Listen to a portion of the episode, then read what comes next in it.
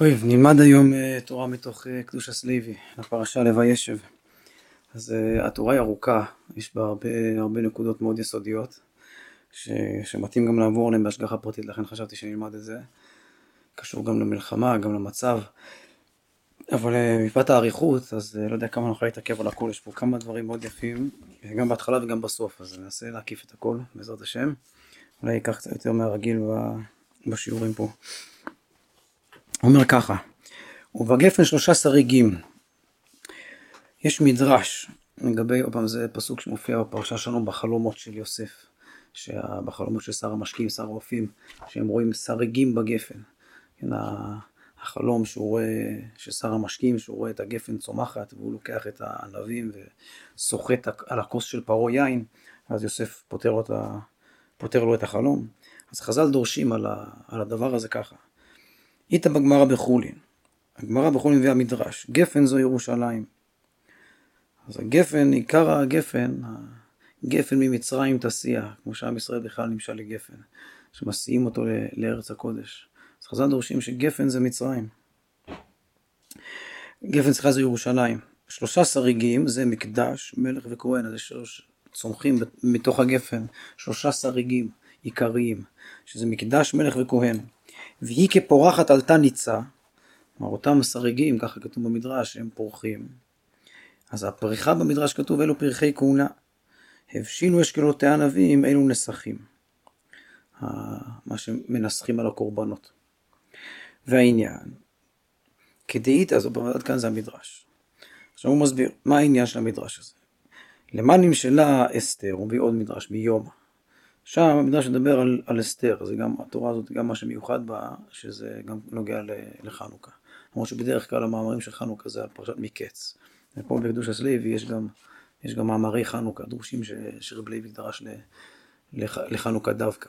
אבל בהשגחה פרטית התורה הזאת היא בוישב, והיא מתאימה, מתאימה לחנוכה, והשנה אנחנו, אנחנו קוראים את וישב גם בתוך חנוכה. רק את וישב בעצם בתוך חנוכה. אומר ככה, אז המדרש הוא מדבר בהתחלה על אסתר, על פורים. אחרי זה הוא יגע גם בחנוכה. למה נמשלה אסתר? לאיילת השחר.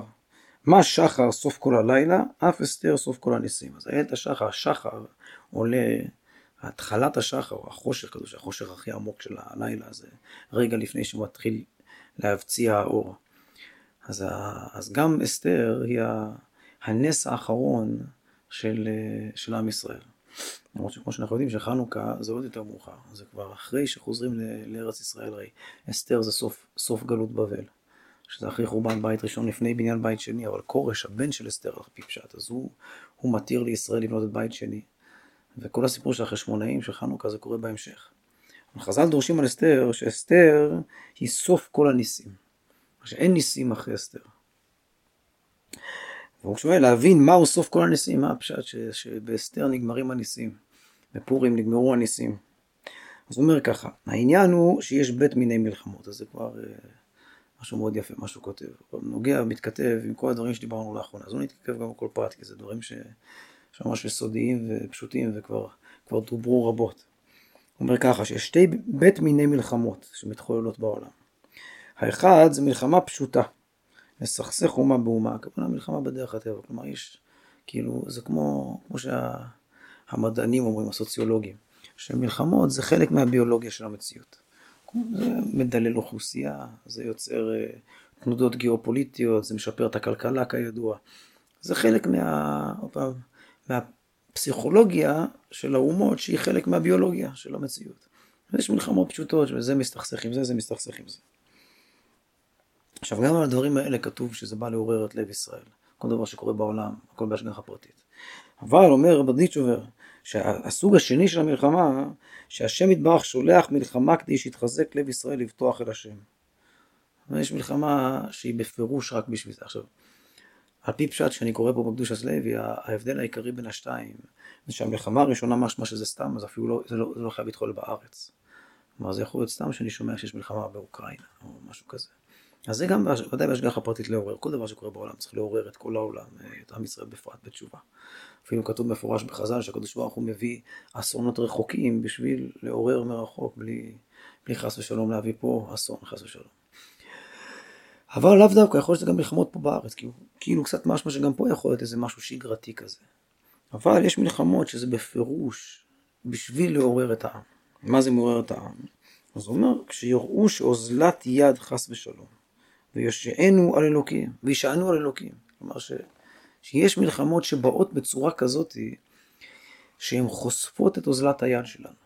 באמת אפשר לראות שפה בארץ, כל מלחמות ישראל, זה הכל עיקר, מה שנקרא היום הטראומה, המשבר, זה התנפצות הקונספציה, תמיד, לא, לא, לא רק עכשיו, גם ביום כיפור, בששת הימים, בכל המלחמות, זה תמיד משהו שבא להמחיש לנו בפירוש שכל מה שנשענו עליו זה דמיונות, ואין לנו על מי להישען אלא על אבינו שבשמיים.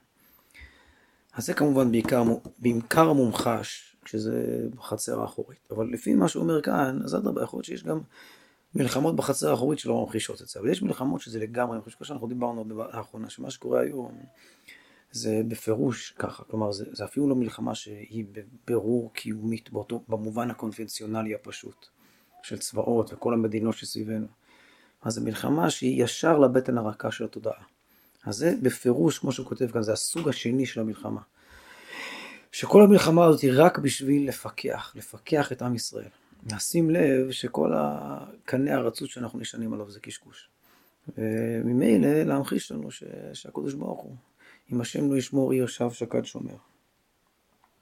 לכן נשענו על אלוקים. ועל זה אמר קרא, אומר להשם מחסי, ומצודתי אלוקיי יבטח בו. לא אמר בטחתי בו. כלומר שאני לא במצודה ובמגן, בזמן הצרה, זה הקדוש ברוך הוא, ואז אני אומר שאני אבטח בך, לשון עתיד. כלומר שאחרי שיש צרה שאני צריך להישען על השם, אז מזה אני בא לבטוח בו. הפסוק לא אומר שזה, שהשם הוא זה שבטחתי עליו. בטחתי עליו, וכשהגיעה המלחמה ממילא הלכתי עליו, הפוך. באה המלחמה, ואז השם הוא המצודה שלי. אני מסתתר מאחוריו, ואז אני אומר לו שאני אבטח בך. אז כלומר שהצרה היא הביאה את הביטחון. לא נכנסנו לצרה מתוך ביטחון, אדרבה. לכאורה היינו יכולים לחסוך את הצרה אם היה, מספיק, אם היה פשוט ביטחון בהשם. כי כל הצרה היא רק באה בשביל להפנות את הביטחון לעבר השם. אז הוא לא אמר בטחתי בו, אך לפי העניין אין לדעתי שפיר, לפי מה שהסברנו זה מובן. שהפירוש הפסוק כך הוא שהמלחמה שבאה עליי, אז אני מרגיש בעצמי שהשם מחזיק. כשהמלחמה באה, אז אני מרגיש שהשם הוא מחזיק ומצודתי. ומילא אני, מעכשיו אני אומר לעצמי שעכשיו אני אפתח בו. אך כשנשתלחה המלחמה עליי כדי שיפתח בו. כל המלחמה רק באה בשביל זה. לפני זה לא היה, לא היה ביטחון.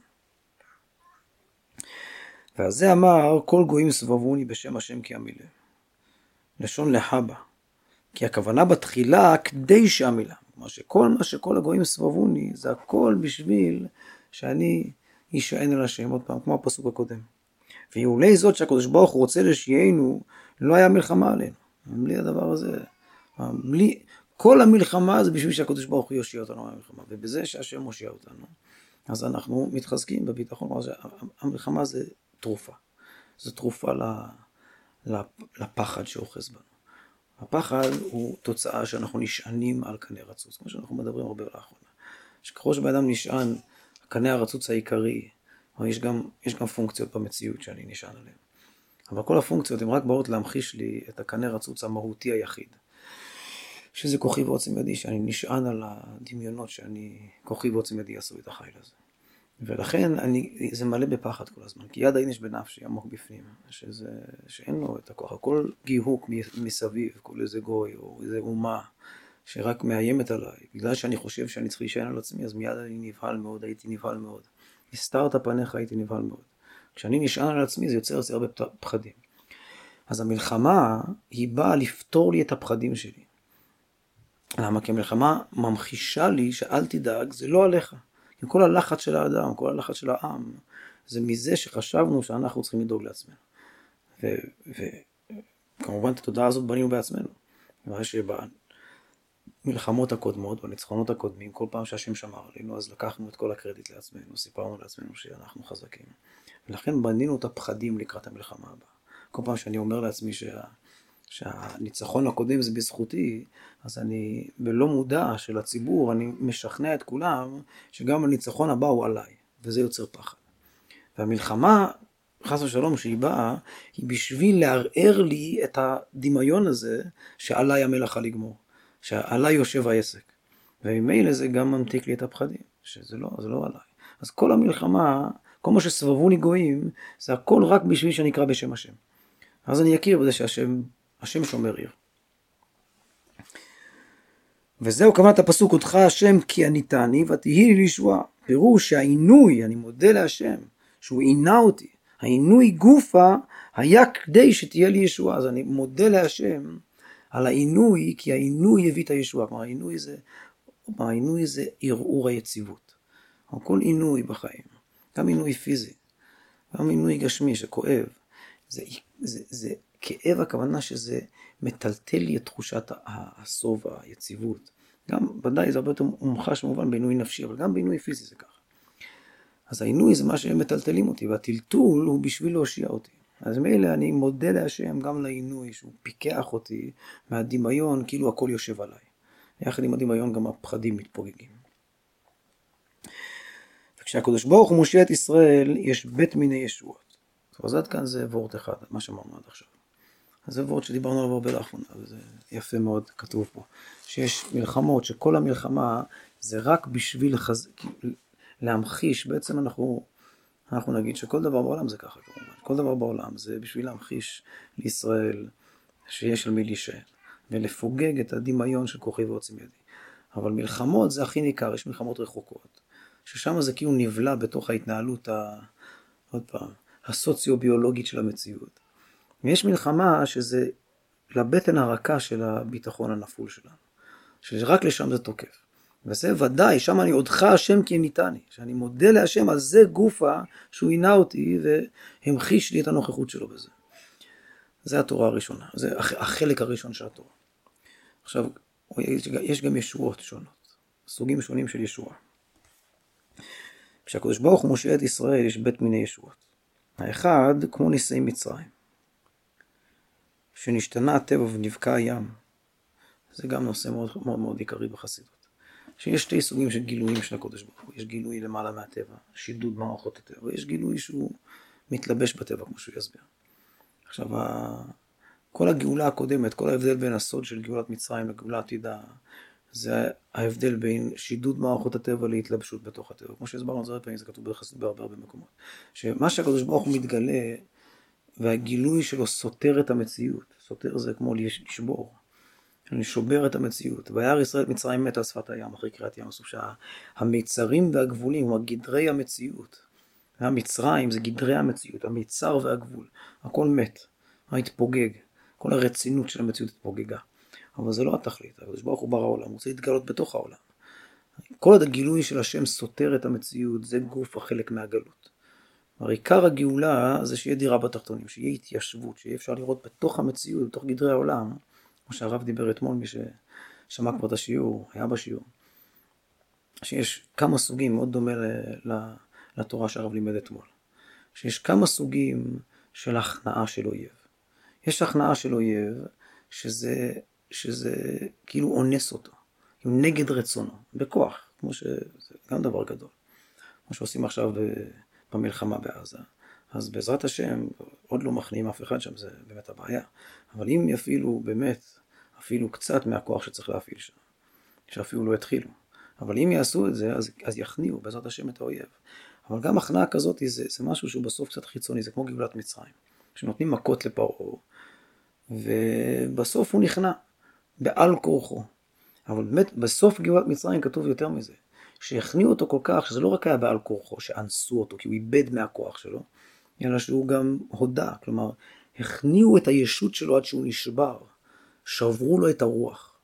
ואז הוא הודה, חוץ מזה שהוא פונקציונלית שחרר את עם ישראל. ואחרי העשר מכות הוא פונקציונלית שחרר. אבל ברגע שברחו הוא רדף אחריהם, כי בנפש הוא לא נשבר. אבל אחרי קריאת ים סוף, אז באמת שם הוא, הוא, הוא, עשה, הוא עשה תשובה, כתוב שהוא מתגלגל גם במלך ננבה. מה שפרעה אומר, שזה כבר במכות זה כתוב בעצם, שהשם הוא הצדיק ואני ועמי רשעים, זה, זה הכרה פנימית. אז זה כבר עוד יותר עמוק. עכשיו יש גם יותר מזה. שני הדברים האלה זה עדיין שייך לגאולת מצרים לפי ערך. אבל מה שרוצים לעתיד לבוא, זה שיעבדו כולם שכם אחד. כלומר, רוצים את, לפחות את אותם הגויים שאפשר לתקן, שהם לא מבחינת עמלק. באמת האויב אה, שאנחנו נלחמים בו עכשיו, אז רובו ככולו צריך להשמיד לגמרי. אבל גם שם יכול להיות שיש ניצוצות. יש איזה אחוז קטן של אנשים שבאמת רק שבויים ואנוסים תחת הרוע הזה. ובעולם כולו ודאי יש המון המון המון אומות העולם שכולם צריכים להתקרב לעבוד את השם. שם הקנייה צריכה להיות עוד יותר עמוקה, זה כבר כמו גיור, התפכחות לגמרי, של להצטרף למאמץ של לעבוד את השם. אז זה, זה כבר ציור של הגאולה העתידה, לכן כל הדיבורים שלנו בתקופה האחרונה, כל הדיבורים של הרב, תמיד בסוף זה מגיע למה ש, שאנחנו קוראים המהפכה הרביעית. שצריך להפיץ תורה לגויים, שלא מספיק להכניע או לנצח את הגוי, אלא בסוף צריך לחדור אליו ולהתעצם איתו, להפרות בו את האלוקות שבו. וזה כבר גאולה עתידה. עכשיו, הדבר הזה במציאות, זה נקרא ניסים שהם בתוך הטבע, כמו שנראה עוד רגע. כלומר, שניסים מחוץ לטבע, זה כמו להכניע את הטבע. כאילו, זה, יש בזה, כאילו בציור, זה כאילו יותר מרשים, אם אתה עושה קריאת ים סוף. אבל כמו שמוסבר בחסידות בריבוי גדול של מקומות, זה הפוך. כלומר, זה פגם, זה אומר שהאלוקות מתגלה לעומת המציאות. כלומר, שהשם הוא מחוץ לדירה. הוא משהו קונטרה אינטואיטיבי, הוא משהו שהוא סותר את המציאות שלו. זה נקרא שאנחנו בגלות, שהשם עוד לא דר בתחתונים. הגאולה זה הכוונה שהשם, הגילוי שהשם נוכחת בתוך המציאות. כלומר ש, שזה לא סותר את המציאות. זה בתוך דרך טבע, זה דווקא ניסים שהם בתוך דרך הטבע, זה על דרך מהפכה רביעית, על דרך שהגוי נכנע, יותר מנכנע, הוא, הוא פונה ומצטרף למאמץ לגלות את השם בעולם. לעבוד את הקדוש ברוך הוא שכם אחד, יחד עם עם ישראל. אז זה כמו נס בתוך הטבע. אני אקרא עכשיו בפנים. רגע, כשהקדוש ברוך הוא מושיע את ישראל, יש בית מיני ישועות. האחד כמו ניסי מצרים, שנשתנה הטבע ונבקע הים. אז קודם הוא מדבר קצת על הסוג הזה של ניסים. הוא אומר, והנה לכאורה אף זה אינו פלא אצל הבורא יתברך. אז הקדוש ברוך הוא, זה לא נס כזה גדול. למה? כי הוא בראם והוא יכול לבקוע אותם. מה, מה החידוש שהים יהיה ככה או הים יהיה ככה? השם ברא את הים, הוא ברא את הטבע שלו להיות אה, ניגר, והוא בורא את הטבע שלו להיות אה, נעמד. מה, למה זה נס בכלל? כמו שאמר הכתוב, נורא תהילות אוסף אלה. פירוש, כי הוא ראוי ליתן לו תהילה, ראוי לתת לקדוש ברוך הוא, יש פה טעות וזה צריך להיות ראוי לתת לו תהילה. כי במה יש להלל אותו? אם בעשיית הניסים, כמו בקיעת הים, אז זה אמר עושה. הוא בעצמו פלא, כלומר הוא עשה את הפלא. אז אם זה, אם זה ככה זה לא פלא. הוא עושה את הפלא, כלומר הוא עשה את הים, והוא גם עושה את הפלא שהים ייבקע, מכיוון שהוא עשה את זה מראש, אז לא זה הפלא. פירוש דבר זה שנעשה בו הפלא, הוא ברא אותו בתחילה. אם כן, אין זה חידוש שהעושה יכול לשנות מעשהו לעניין אחר. אך השבח הוא שהבורא ברוך הוא רחמן על כל מעשה ומבטל דבר אחד ממעשהו מפני שני. וזהו הפלא, אומר שכל הפלא בנס כזה, באמת נס למעלה מהטבע, כמו שהתחלנו לדבר זה לא חודר, אבל פה הוא מדבר עוד לפני זה, שלכאורה זה לא צריך להיות פלא גדול. השם ברא את הים, הוא בורא את הים בכל רגע ורגע, כמו שהוא בורא, הוא יכול לברוא אותו אחרת. אז מה הפלא בזה? זה כמו שאני אגיד ש, שיש איזה בן אדם שאני מתנהל מולו, ו... וההתנהלות שלו היא איקס, ואני רוצה שהוא יעשה משהו אחר, אין לו נפקא מינה, מבחינתו זה בכלל לא משנה, רוצה שיסיט משאבים מפה לשם, מבחינתו זה לא משנה. מה הנס? כלומר, מה ההתחדשות שצריך? ההתחדשות שצריך זה יחס. הנס זה תמיד יחס. אותו דבר הוא אומר פה, זה שהקדוש ברוך הוא יברא ים שטוח או ים עומד, זה לא, אין הבדל בין זה לבין זה. מה הנס? הנס הוא שהשם עשה ים, ועכשיו אתה רוצה שהוא כאילו יתייחס אליך במיוחד, כאילו יתחשב בך. הקדוש ברוך הוא רחמיו על כל מעשיו, וגם את הים הוא אוהב. למה הוא בוחר בי על גבי הים? כמו כל נס שמשדד את הטבע, לכן גם יש יש גם חן בניסים. למה, למה החסידים אוהבים, אוהבים סיפורי ניסים, אוהבים שהרבי עושה נס? מה, מה מיוחד בזה שהרבי עושה מויפת, שהרבי מתפלל להשם ויש נס? שיש בזה מציאת חן, כלומר כל נס יש בזה תחושה של פרוטקציה. נס זה כמו פרוטקציה. כלומר שהשם אכפת לו ממני, הוא מרחם עליי. אז אותו דבר אומר פה, השם אוסף אל הכוונה שהשם עשה את כל מה שהיה, לא זה הפלא. הפלא זה רק שהקדוש ברוך הוא עושה בשבילנו, כמו שההתערבות, הנוכחות. באמת זה מה שה...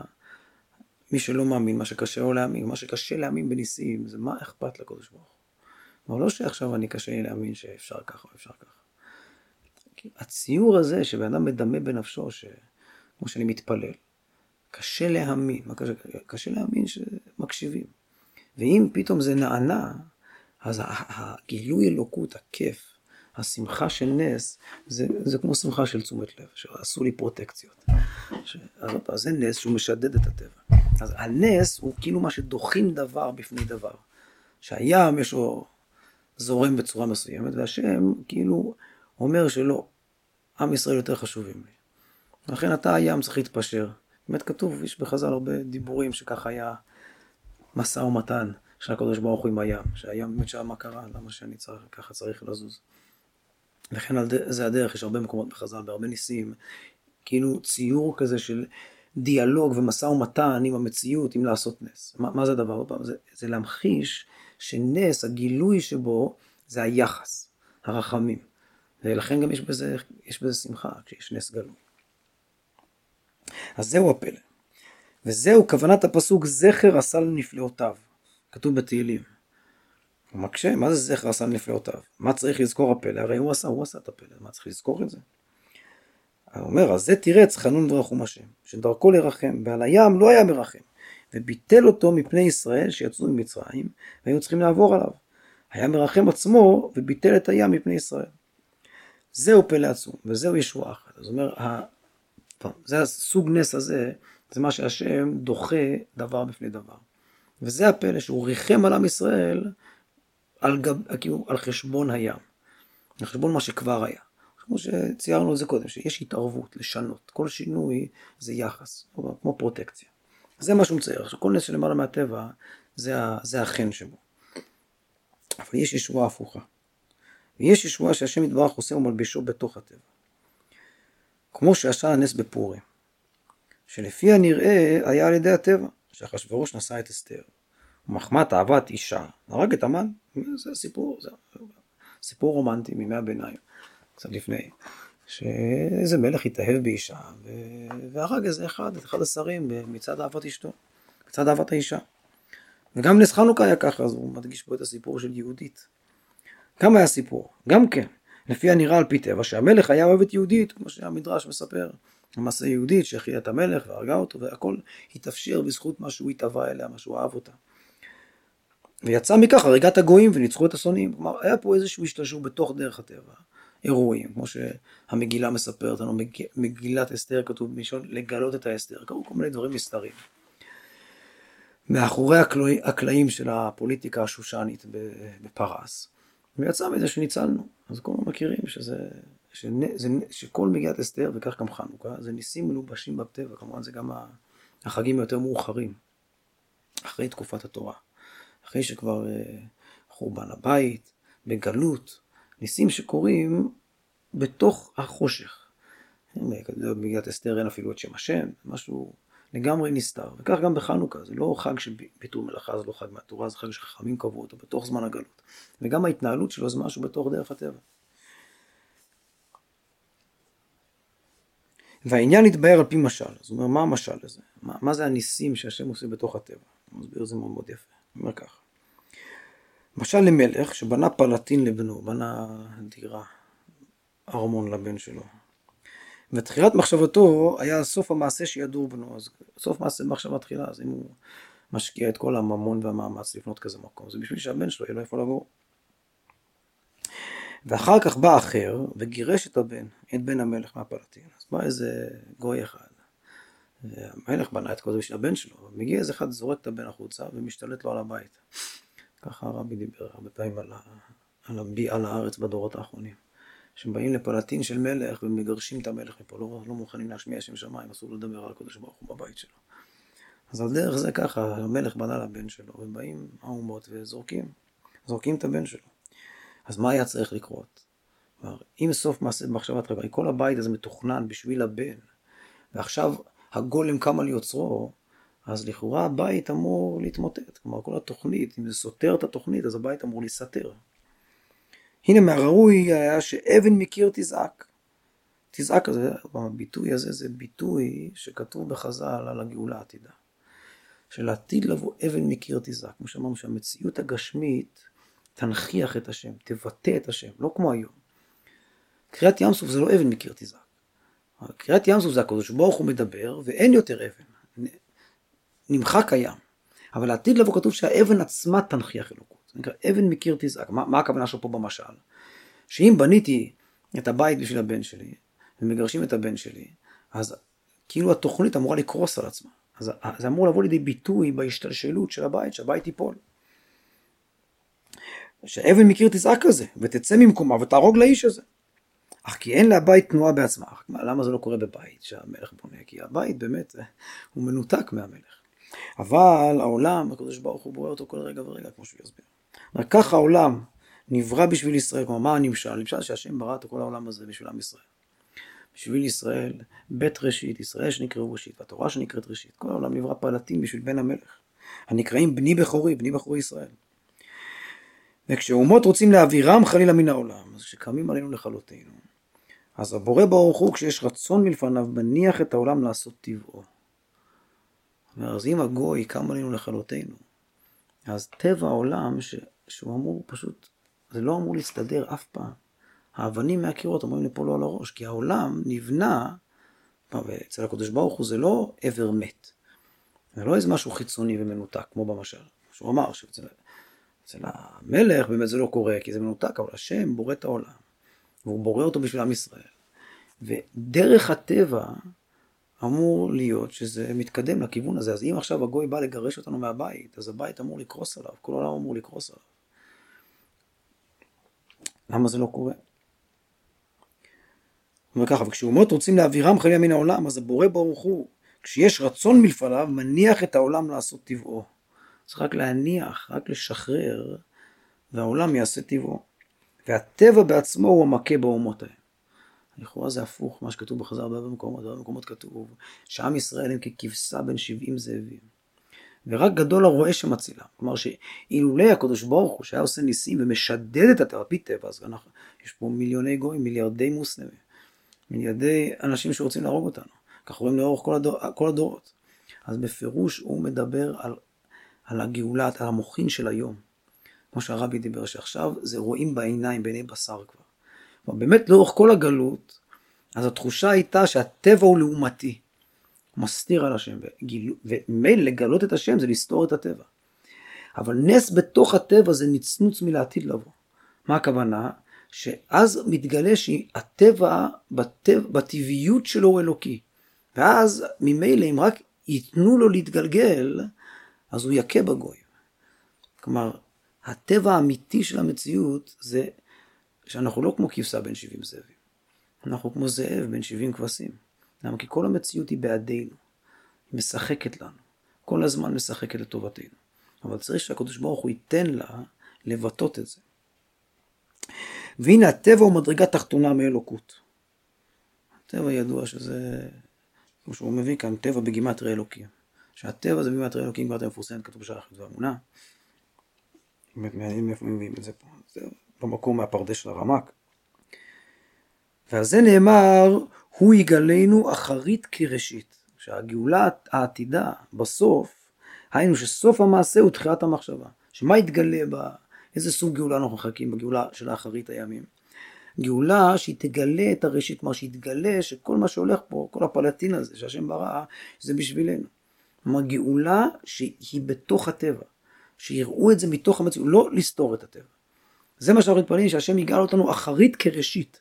שבאחרית המציאות, אחרית הימים כמו היום, יתגלה פנימיות המציאות עצמה, לא מחוץ לטבע.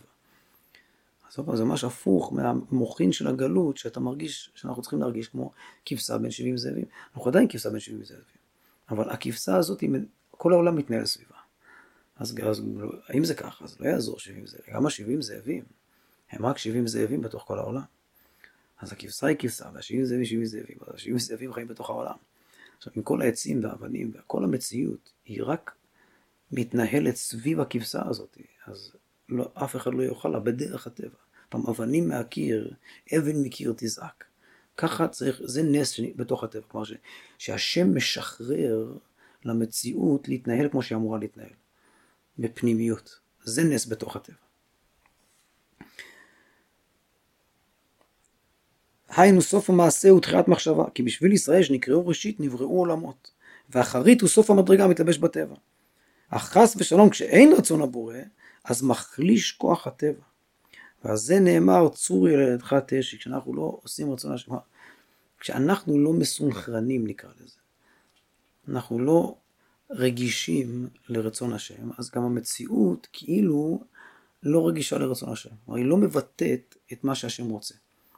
ככל שאנחנו מבטאים יותר מה שהשם רוצה, גם המציאות סביבנו מבטאת, אז הכל בדרך הטבע, כמו שהרמב"ם בעצם כותב את זה, זה כתוב בהרבה מקומות. שכל השכר בעולם, זה כתוב ששכר מצווה בהאי עלמא ליקה, שאין שכר מצווה בעולם הזה. הרמב"ם כותב, מה, מה זה כל מה שהתורה מבטיחה, ולהתיג איש בכם בעיתם וכולי. והיה אם שמעות את שמו מצוותיי אשר אנוכי מצווה אתכם, להתיג איש בכם, זה שכר. הרמב"ם כותב מפורש, וככה מקובל בהרבה מקומות, שזה לא שכר בכלל, זה פשוט דרך הטבע. שאם מסונכרנים, אז העסק עובד. אז אותו דבר הוא אומר כאן.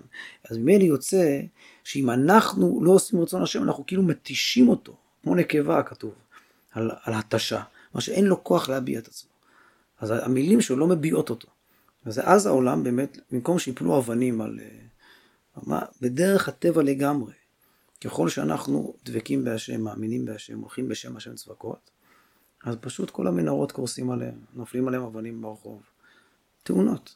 כאילו הטבע לא, לא אמור ללכת לכיוון שאנחנו, בדיוק כמו שהרב דיבר אתמול, שאנחנו כאילו, מהחולשה שלנו, מהמותשות שלנו, אז התאפשר הפרצה הזאת שקרתה. שתוקפים אותנו, פתאום יש להם תוקף. והמציאות, במקום שהיא תמעך אותם, זה לא אמור לקרות, זה לא דבר טבעי מה שקרה. זה עיקר מה שצריך לחשוב, זה עיקר החידוש שהוא רוצה להגיד כאן. שבדור שלנו, בדורות האחרונים, צריך לחשוב שזה לא טבעי ש... ש... שאנחנו נפסיד. כל הגלות, כל התקופה מהמוחין של מצרים זה הפוך, שאנחנו ככבשה בין 70 אומות. הכי טבעי שאנחנו נפסיד, רק צריך איזה נס שיציל אותם, וגדול הרועה ששומר עלינו אלפיים שנה. אבל כשחוזרים לארץ, מתגלים פה ניסים של ארץ ישראל, שזה כמו הניסים של חנוכה, כמו שיגיד עוד רגע. אז פה זה הפוך, פה זה דרך הטבע שאנחנו מצליחים פה. למה? כי פה מתגלה שכל העולם נברא בשביל ישראל, שנקרא ראשית, אז הכל צריך לשחק לנו, הכל צריך להיות לטובתנו. אם זה לא קורה, זה בגלל שאנחנו מחלישים, אנחנו לא מסונכרנים. ומילא המציאות חלשה. כשהמציאות חלשה, אז יש איזו פרצה שפתאום הכל יכול להתנהל הפוך מהכוונה. חס ושלום, ואנחנו ניפגע מזה, כמו שנפגענו. אז אם כן, מה זה נס? נס זה כאילו, זה כמו, לפי זה זה כמו חזרה לטבע. שהטבע מתנהג כמו שהוא אמור להתנהג. אז הוא מביא על זה משל. הנה, כשאדם רוצה לדבר, אזי מיישב עצמו אם הדיבור הזה נכון לדבר, ואם יש לשאול עליו, אם יש לשאול עליו, אם הוא מסופק עם מה שיש לו להגיד, עכשיו אני רוצה לדבר משהו. אז אני חושב אם זה ניסוח מתאים, ואם לא, אני אומר משהו אחר. ואם יש לשאול על הדיבור, על הניסוח הזה, אז אני מניח דיבור זה, הוא מדבר דיבור אחר, ואז הוא חדש לגמרי. זאת אומרת, בדיבור יש שתי, יש שתי דברים, או שאני משנה לגמרי את הדיבור, או שאני, נראה לי שהדיבור הוא טוב, ואני אומר אותו חזק. אז אותו דבר אומר שתי ניסים. אומר ככה, והנמשל הוא שהעולם נברא בדיבור, שנאמר בדבר השם שמיים נעשו, אז כל העשרה מאמרות שנברא העולם, כל המציאות, זה הכל הבעה עצמית של השם. אז נס שזה למעלה מדרך הטבע, זה כמו להגיד שהשם נמלח. כאילו, טוב, חשבתי להגיד ככה, אבל אני אגיד אחרת בשבילכם. זה גם נס, משהו יפה, אמרנו שבזה מציאת חן מיוחדת, אבל זה כאילו שהוא נמלח ואומר משהו אחר. במקום להגיד שהים, להגיד אותו שטוח, הוא אומר אותו עומד. מה זה ניסים בדרך הטבע? הוא אומר, כשהבורא מושיע את העולם על פי הטבע, הוא מלשון חנוכה, שאינו דבר חידוש, לא איזה דיבור חדש כמו בנס שהוא למעלה מהטבע. רק שמחנך הדבר בעצמו להיות ולעשות פעולתו. חנוכה, לחנוך משהו, לחזק אותו, להעמיד אותו. מה שאני אומר את זה חזק, זה בדיוק מה שהתכוונתי, ואני אומר את מה שהתכוונתי שזה יביע אותי. ואם זה מביע אותי, אז זה, זה נקרא נס בתוך הטבע. כלומר, שהעשרה מאמרות שהשם בורא את העולם, יביעו אותו חזק, זה נקרא אבן מקיר תזעק, שהמציאות כמו שהיא אומרת אלוקות.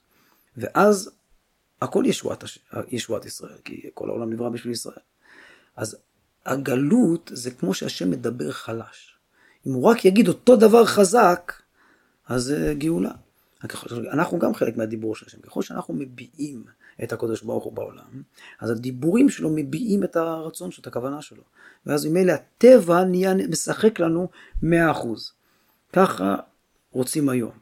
כלומר, לא רוצים היום נס למעלה מהטבע. מוכנים, אבל זה לא התכלית. לא צריך לקוות שיבוא, כי זה, זה להשאיר את השם טפח מעל המציאות. אנחנו רוצים גאולה שלמה. גאולת מצרים זה גאולה שיש אחרי הגלות, בגלל שהשם לא חדר לטבעיות של המציאות, אז גם יכול להיות מזה גלות אחרי זה. אבל הגאולה תדע שאבן מקיר תזעק, שזה חוזה, שמתגלה שהטבע עצמו הוא אלוקי, שם אלוקים. אין אחרי זה גלות, כי כל הטבע עצמו הוא גאולה, אז זה מה שאנחנו רוצים היום. לכן גם היום, איזה ניסים אנחנו רוצים? כמו שאנחנו יותר דבקים בהשם, ככה פשוט מצליחים. הצלחה, הצלחה שאתה מסתכל, אתה אומר זה למעלה מדרך הטבע, אבל זה קורה בתוך הטבע. הצלחה פנומנלית. בלי שתיפול אף שערה מראשו של אף, אף יהודי, אף חייל יהודי, אף אדם יהודי. ו, ומהם פשוט יפלו כזבובים, ככה, יפלו, כמו שהוא אמר, שהאבן אמורה ליפול להם על הראש. אם אני רואה איזה חמאסניק, איזה אויב, הולך מולי, ולא נופל לו עץ על המוח, ככה בום, מועך אותו. אז אני צריך לשאול את עצמי, למה אנחנו לא מביעים את השם? למה העולם לא מביע את השם מספיק? אז זה כמו איזה אחד שאומר משהו, הוא לא מצליח להסביר את עצמו. כל המציאות שלנו זה עשרה מאמרות, הקדוש ברוך הוא מדבר איתנו. וזה כמו אחד שהוא לא מצליח להגיד את עצמו, הוא חלש, מותש, מותש מלנסות להביע את עצמו. עכשיו אני מסתכל על, על זה שאני לא רואה בזה את השם. אני גם חלק מזה, אני גם לא מנכיח את השם. אם אנחנו מנכיחים את השם, אז כל המציאות מתחילה להנכיח את השם. אז אם אני רואה משהו, אני מסתכל, אני רואה משהו קורה שהוא לא רצון השם, קורה חס ושלום משהו רע לעם ישראל, או אפילו לא משהו רע, אפילו לפני משהו רע. רק יש איזה שונא ישראל שהולך ברחוב ולא נופל עליו אבן. זה לא טבעי, זו תופעה על טבעית. צריך להתבונן, לעשות תשובה, למה הוא לא נופל לתוך איזה בור? למה הוא לא מקבל איזה מחלה ומת? ככה צריך להתבונן. ולזה גם נמשלה אסתר לאיילת, איילת השחר, מה שנקרא, סוף כל הניסים, כמו שחז"ל אומרים. מה הכוונה? כי הוא סוף כל המדרגות, כלומר, זה לא הנס האחרון, אלא זה הניסים של הסוף.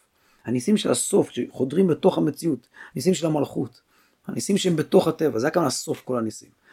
לא ניסים שהם מלמעלה, אלא ניסים שהם מתוך המציאות, מתוך המדרגות התחנות הפשוטות של המציאות.